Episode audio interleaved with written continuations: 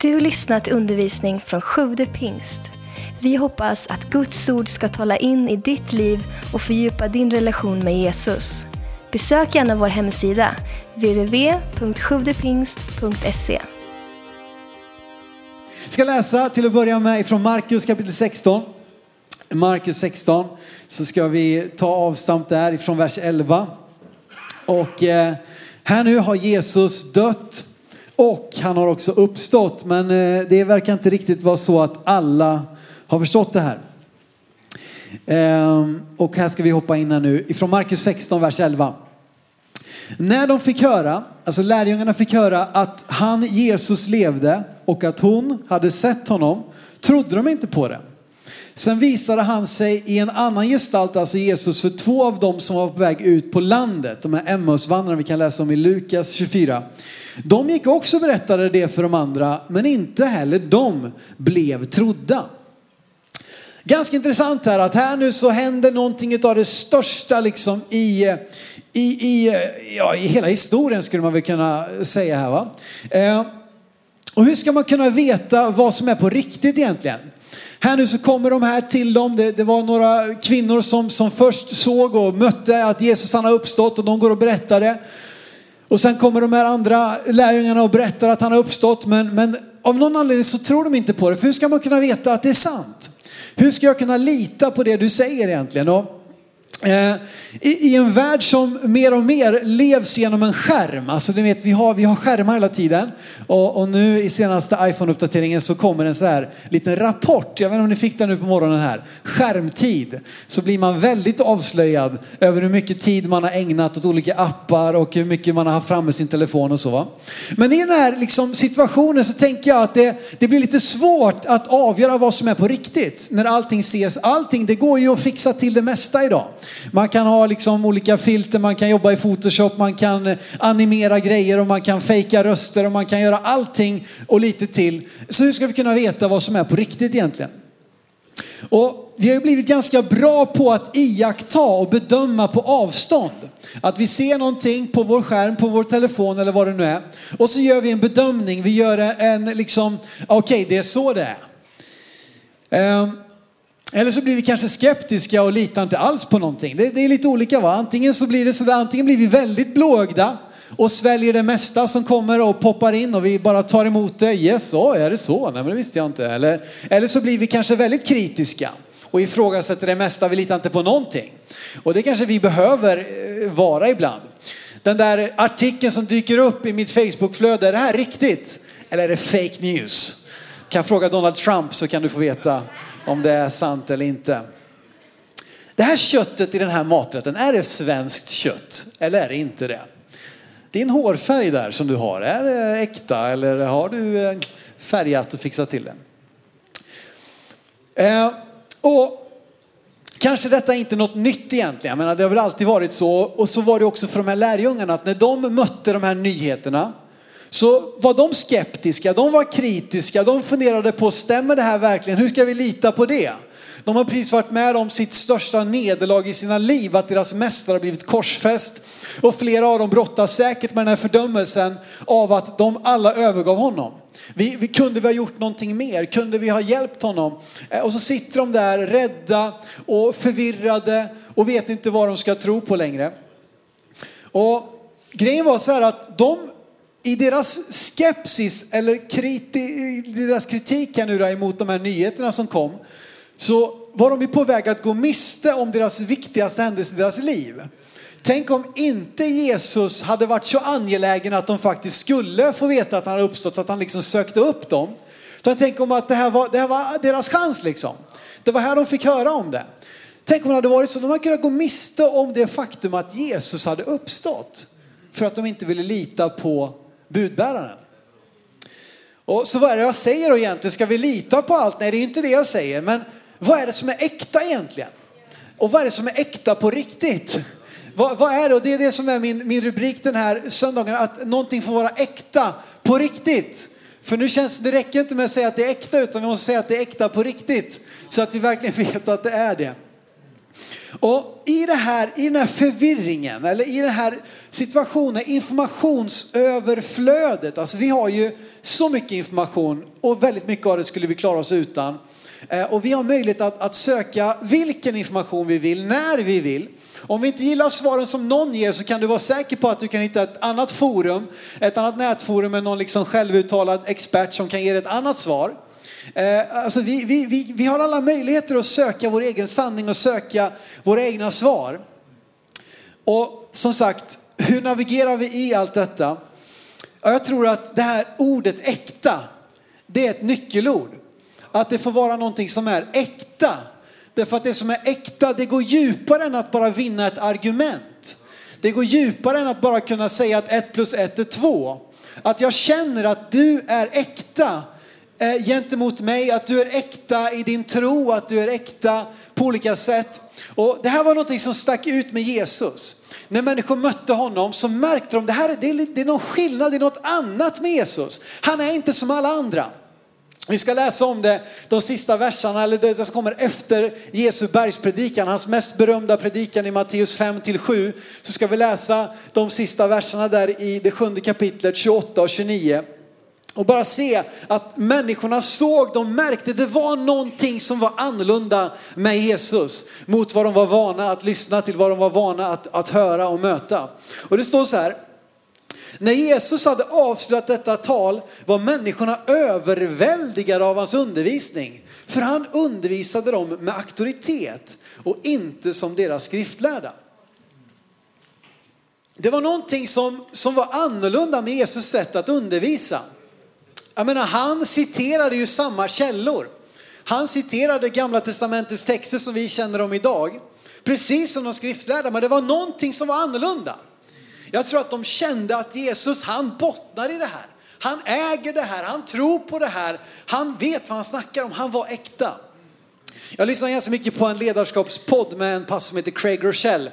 Och hans liksom slogan som han upprepar i varje podd på början och slutet säger han så här att people will rather follow a leader that's always real than a leader that's always right. Och alltså att människor kommer hellre följa en ledare som alltid är äkta än en som alltid har rätt. Och det där tror jag är, det är en sån hemlighet i det här, vad det är att vara ledare. Att inte alltid vara den som har rätt och inte alltid hävda, ja, ja, ja, det, så här är det bara. Och liksom hör sen. Utan att, att vara äkta. Och det är det som jag skulle vilja prata om. Jag tror vi lever i en värld som längtar efter någonting äkta som längtar efter någonting som är påtagligt, som inte bara är den där, det som vi ser på en skärm eller det som vi har hört av någon som hört av någon som hört av någon. Utan vi får uppleva någonting på djupet, på riktigt. Och jag, min bön är att vår kyrka skulle vara en sån plats där vi är äkta på riktigt. Där vi inte bara sjunger och pratar och, och så här utan att det vi gör, att det märks att det här är någonting som vi tror på, någonting som vi bär på. Så några olika saker jag tror vi behöver vara äkta i. Nummer ett, att vi ska få äkta relationer. Vi ska läsa Johannes 13, Johannes 13 och eh, 34 till 35. Ehm, och det här är från Jesu tal som han har Eh, sista kvällen med lärjungarna innan han ska bli korsfäst. Så har han ett jättelångt och fantastisk undervisning eller samtal med sina lärjungar. Du kan läsa om det i Johannes från eh, kapitel 13 och framåt. Och då säger han de här berömda och viktiga verserna i Johannes 13, 34, 35. Ett nytt bud ger jag er, att ni ska älska varandra.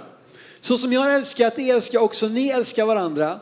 Om ni har kärlek till varandra ska alla förstå att ni är mina lärjungar. Det här är det enda budet som Jesus har gett oss. Man kan diskutera liksom hur vi ska förhålla oss till tio, tio Guds bud och så vidare. Och det, jag tror inte att det är något som är dåligt. Men det här är det enda budet som Jesus ger oss.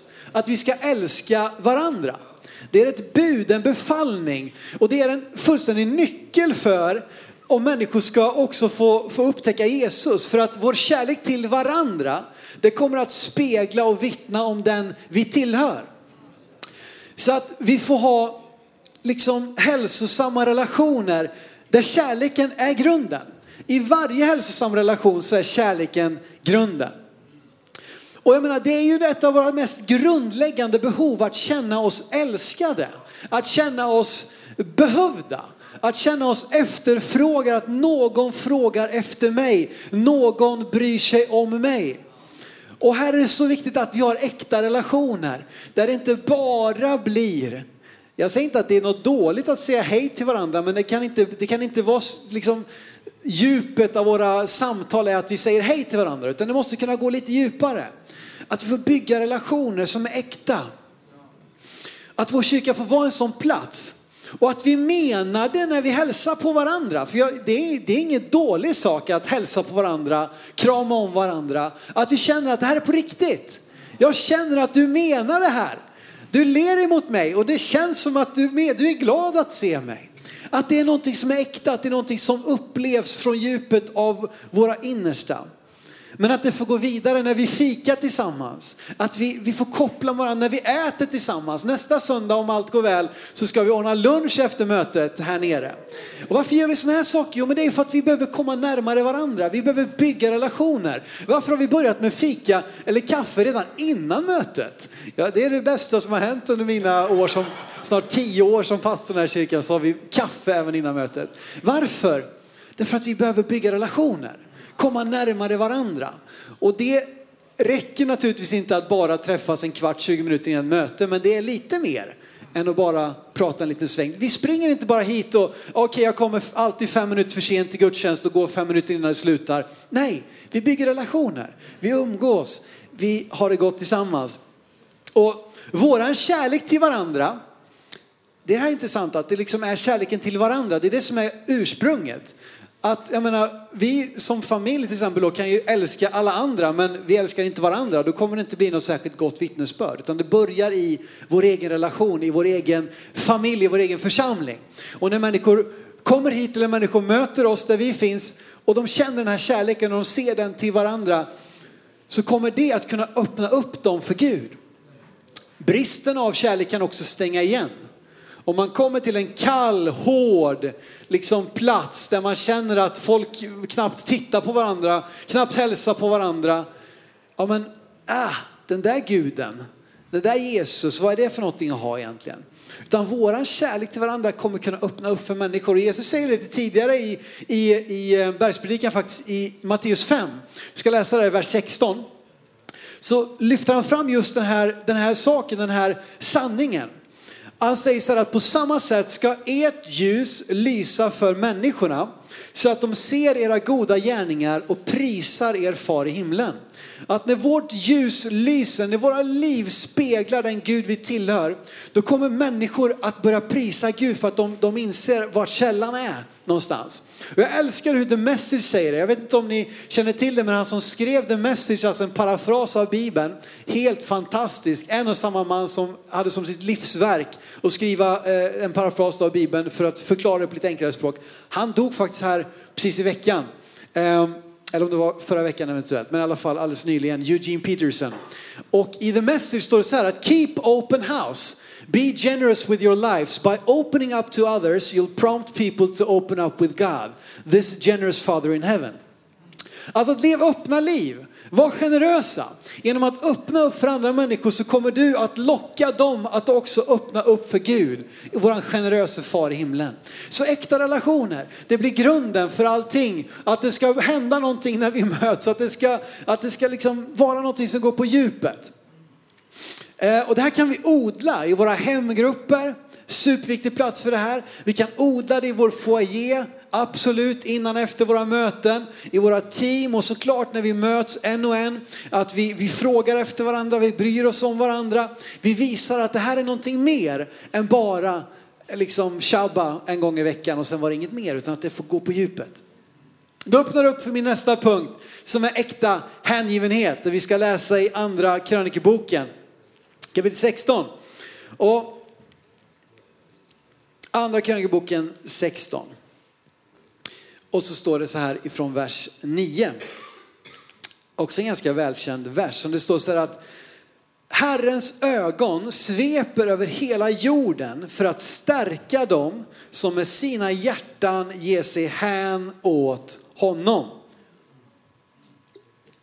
Alltså att Gud han letar efter människor som ger sig hän åt honom.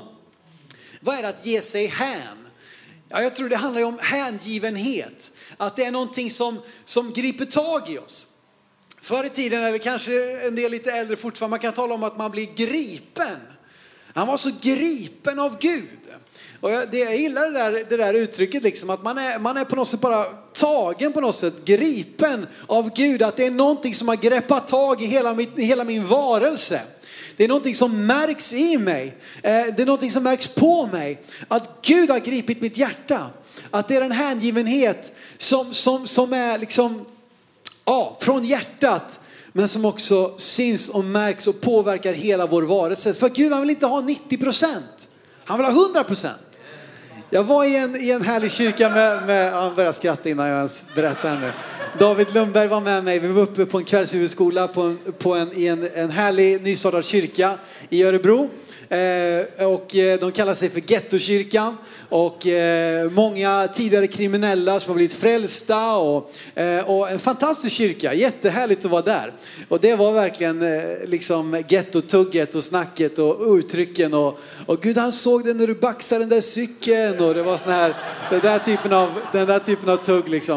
Eh, men då i alla fall så pastorn där, han tog fram en kille de hade bett för honom och sa han så här, vet du Gud, du ska inte vara en procent, du ska vara hundra procent. Gud vill ha hundra procent, du ska leva hundra procent för Jesus. Lägg om med det där snacket liksom, lägg om med det där tugget och du ska gå in i kvartar och hjälpa människor. Du ska leva hundra procent för Jesus. Och, ja, jag gillar det där alltså, det är någonting härligt. Men det är någonting med att, att, att leva hundra procent.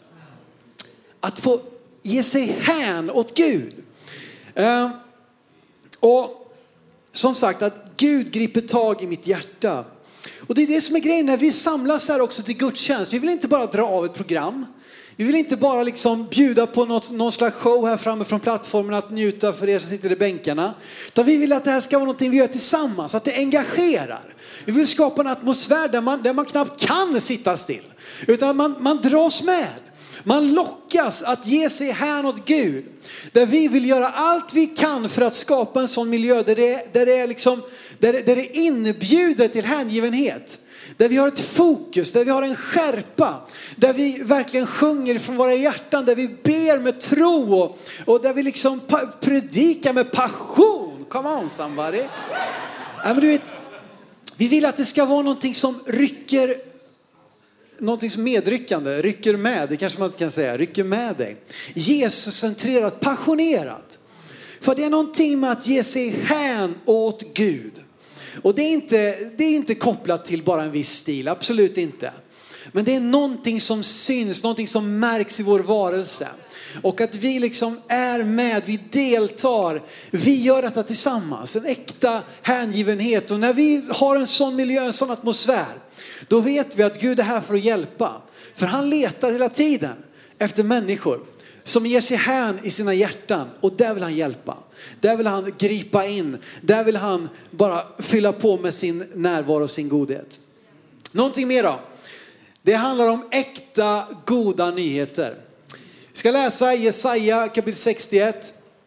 En fantastisk profetia. Skrevs 700 år före att Jesus eh, levde och uppfyllde den här profetian. Och Jesus han, eh, han tar själv upp den här profetian och läser den i, eh, eh, i en synagoga i Nasaret och säger att nu går det här i uppfyllelse. Genom mig så har det här hänt. Eh, och det står så här i Jesaja 61 från vers 1. Herren Guds ande är över mig. Till Herren har smort mig till att förkunna glädjens budskap för de ödmjuka. Han har sänt mig att förbinda dem som har förkrossade hjärtan att utropa frihet för de fångna, befrielse för de bundna, att förkunna ett nådens år från Herren. Det är många som vill säga att de har det bästa för dig. Eh, som är ett brett, välpolerat smile vill ge dig det bästa elavtalet. Eller den bästa mobildealen du kan tänka dig. Eller liksom vill, jag har det bästa för dig, det här är den bästa dieten. Så du går ner så snabbt det bara går. Det här är det bästa träningsprogrammet för dig. Då kommer hela kroppens muskler i, i användning och så vidare. Och sen går det två månader och så kommer det något nytt bästa dealen och bästa dieten. Och det är så fantastiskt. Alla, alltså man borde egentligen ringa runt till så här tio elbolag efter varandra för alla har en bättre deal. Så till slut kommer du snart liksom få, få betalt för att du förbrukar el liksom. Det är alltid någon som har någonting bättre. Eh, Och många lovar, men ganska få levererar. Och här är grejen med Jesus att när han kommer med goda nyheter, när han kommer och säger de här sakerna att jag har kommit här för att sätta de fria, eh, för att sätta de fria fångna, det har jag inte gjort. Jag har kommit för att göra de bundna fria. Jag har kommit för att predika nådens år, glädjens budskap för de ödmjuka. Då håller det. Då gäller det. Då stämmer det. Han håller vad han lovar och lovar vad han håller, eller går det att säga så?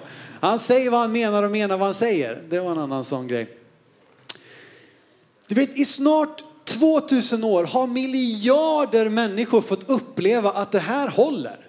Det här är en deal som jag kan signa upp på. Det här är någonting som jag kan lita på. Det här är någonting som stämmer. Och du behöver inte oroa dig för att det ska dyka upp en bättre deal om två veckor eller om tre år. Därför att den här dealen har gällt ända sedan Jesus sa det är fullbordat på korset för snart 2000 år sedan så är den här dealen aktiv. Det är den bästa dealen du någonsin kan få. Att du kan få förlåtelse för dina synder. Du kan komma i en rätt ställning med Gud, du kan få frid med Gud. Du kan få upprättelse, du kan få mening med ditt liv. Du kan få ett löfte om ett evigt liv. Alltså det här är fantastiska goda nyheter och de är på riktigt. Det finns inga dolda klausuler. Det finns inga hemliga liksom, grejer som du, det finstilta som man alltid missar. Ni vet de ringer till dig och så svarar du och så liksom, ja jag ringer från elbolaget och visst vill du väl spara lite pengar? Ja men det vill jag. Ja men bra då skickar jag hem de här nya avtalet till dig här nu så det blir bra, okej. Okay. Alltså, ja, ja, ja och så blir man lite osäker. Det finns alltid något dolt och något som vill luska sig fram men vet du vad? Det här är en deal, det finns inga dolda klausuler. Det finns inget liksom, som du behöver oroa dig för utan det, det stämmer. Det håller. Jesus förändras inte. Hebreerbrevet 13 säger att Jesus är densamme igår, idag och i all evighet. Det är fantastiskt. Du kan lita på det. Och som kristna och som kyrka har vi ibland lyckats förvanska det här. Vi har ibland lyckats ställa till det här, förvirra det här. Men Jesus är densamme. Och jag hoppas att vi kan göra vårt allra bästa för att presentera Jesus sådan som han är. Och det är goda nyheter och de är äkta och det är på riktigt. När Jesus gick runt här och började sin gärning, att han gick ut för att börja liksom offentligt tjäna Gud och börja predika och undervisa, så började han med att samla ihop ett gäng med lärjungar. Eh, och han gick runt och samlade ihop den mest liksom spridda skaran egentligen på 12 personer som, som skilde sig åt. Och du hade många som var liksom poli, eller några som var politiska motståndare. Du hade Matteus som var, som var publikan, eller han var skatteindrivare och drev in skatt åt, eh, eh, åt romarna. Och på andra sidan hade du Simon Seloten som var med i det nationalistiska partiet som ville med våld om så behövs slå sig fria från romarna. Och så ska de bland annat med Petrus och Andreas och, och, och alla de olika samlas i ett team. Men det som är grejen är att, att, att med Jesus i liksom båten, med honom vid rodret, så, så kan alla dessa människor få en ny mening. Få en äkta mening med sina liv. Få någonting större att leva för som, som går över om vi har politiska och liksom skiljaktigheter som går över att vi har brister i vår personlighet eller vad det nu är för någonting. Vi kan få äkta mening. Och när Jesus kallar de här, jag älskar de här berättelserna, Matteus 4, eh, så kan vi läsa om det. När han då eh, kallar de här lärjungarna. Det står så här, Jesus sa till dem, kom och följ mig. Så ska jag göra er till människofiskare. Genast lämnade de näten och följde honom. Alltså när Jesus bara säger kom och följ mig. Så var det någonting i de orden som fick de här lärjungarna att bara slänga allting annat åt sidan. De insåg att det finns inget bättre vi kan göra än att leva för det här från och med nu. Det här du erbjuder Jesus, det är bättre än vårt familjeföretag. Det är bättre än det som vi kan åstadkomma i oss själva. Jesus erbjuder ditt liv en ny story. Han erbjuder ditt liv en, ett nytt narrativ eller ett nytt manus, en ny liksom rubrik. Eh, han vill ge ditt liv någonting att leva för. Att leva för det som består istället för det som bara är för en liten kort stund. De här personerna som Jesus kallade just här, de var ju fiskare. Och Jesus använde deras språk och säger, hallå, följ mig, jag ska göra dig till människofiskare. De hade fångat fisk för dagen.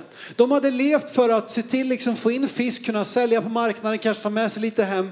Och så nästa dag var det dags igen. De levde sina liv för det som var bara för en liten, liten kort stund. Men Jesus säger, nu ska ni bli människofiskare. Ni ska leva för det eviga. Ni ska leva för det som inte bara försvinner och vissnar imorgon, utan som består i evighet, nämligen, nämligen människors frälsning. Och det ska ni ägna era liv åt från och med nu.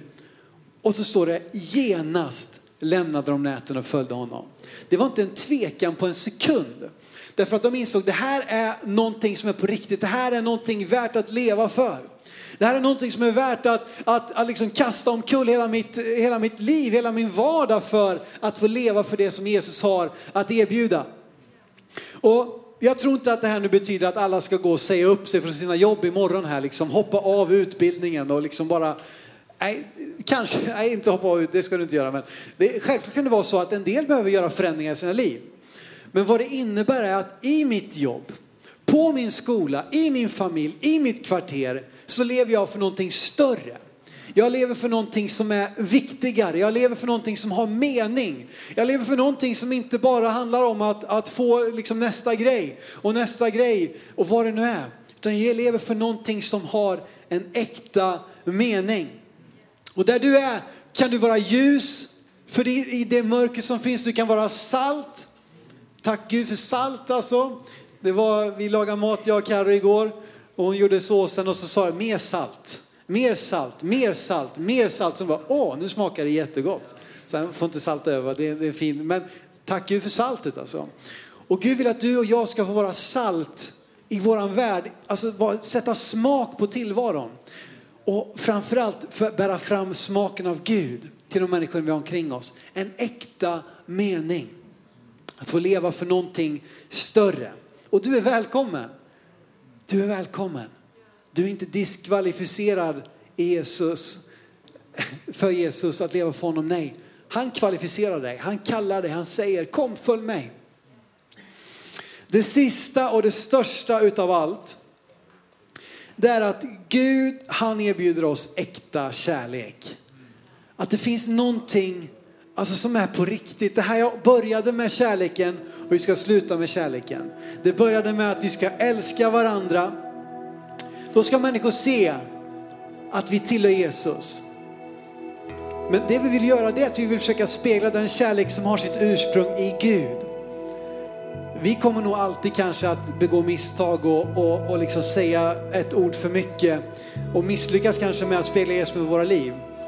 Men han som är källan till kärleken, han misslyckas aldrig.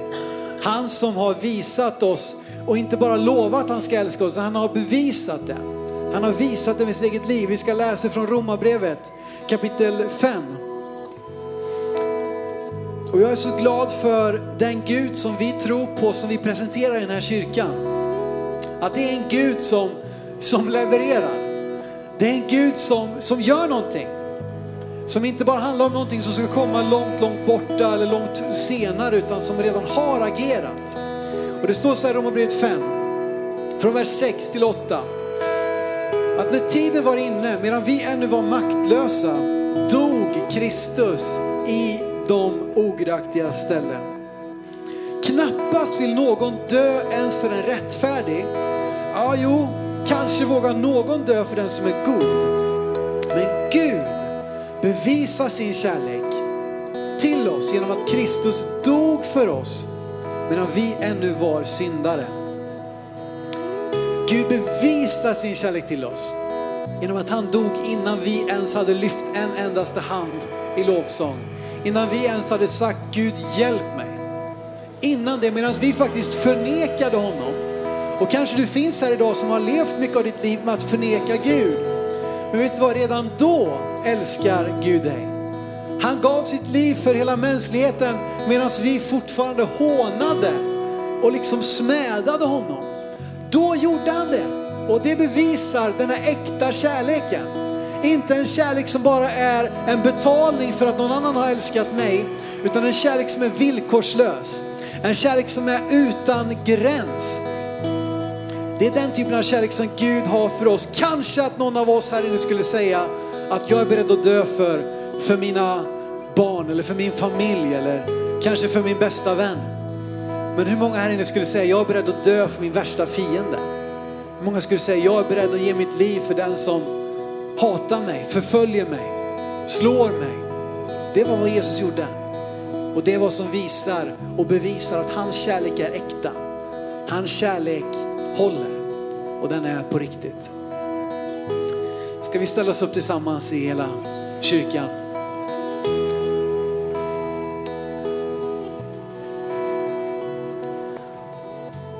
Min bön är att det här skulle vara en plats som är äkta.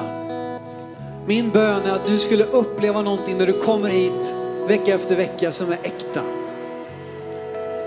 Min bön är att vi skulle få nåden från Gud att presentera hans ord på ett äkta sätt, på ett sant sätt.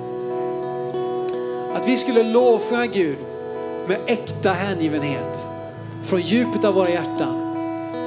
Att vi skulle hälsa på varandra, bry oss om varandra äkta.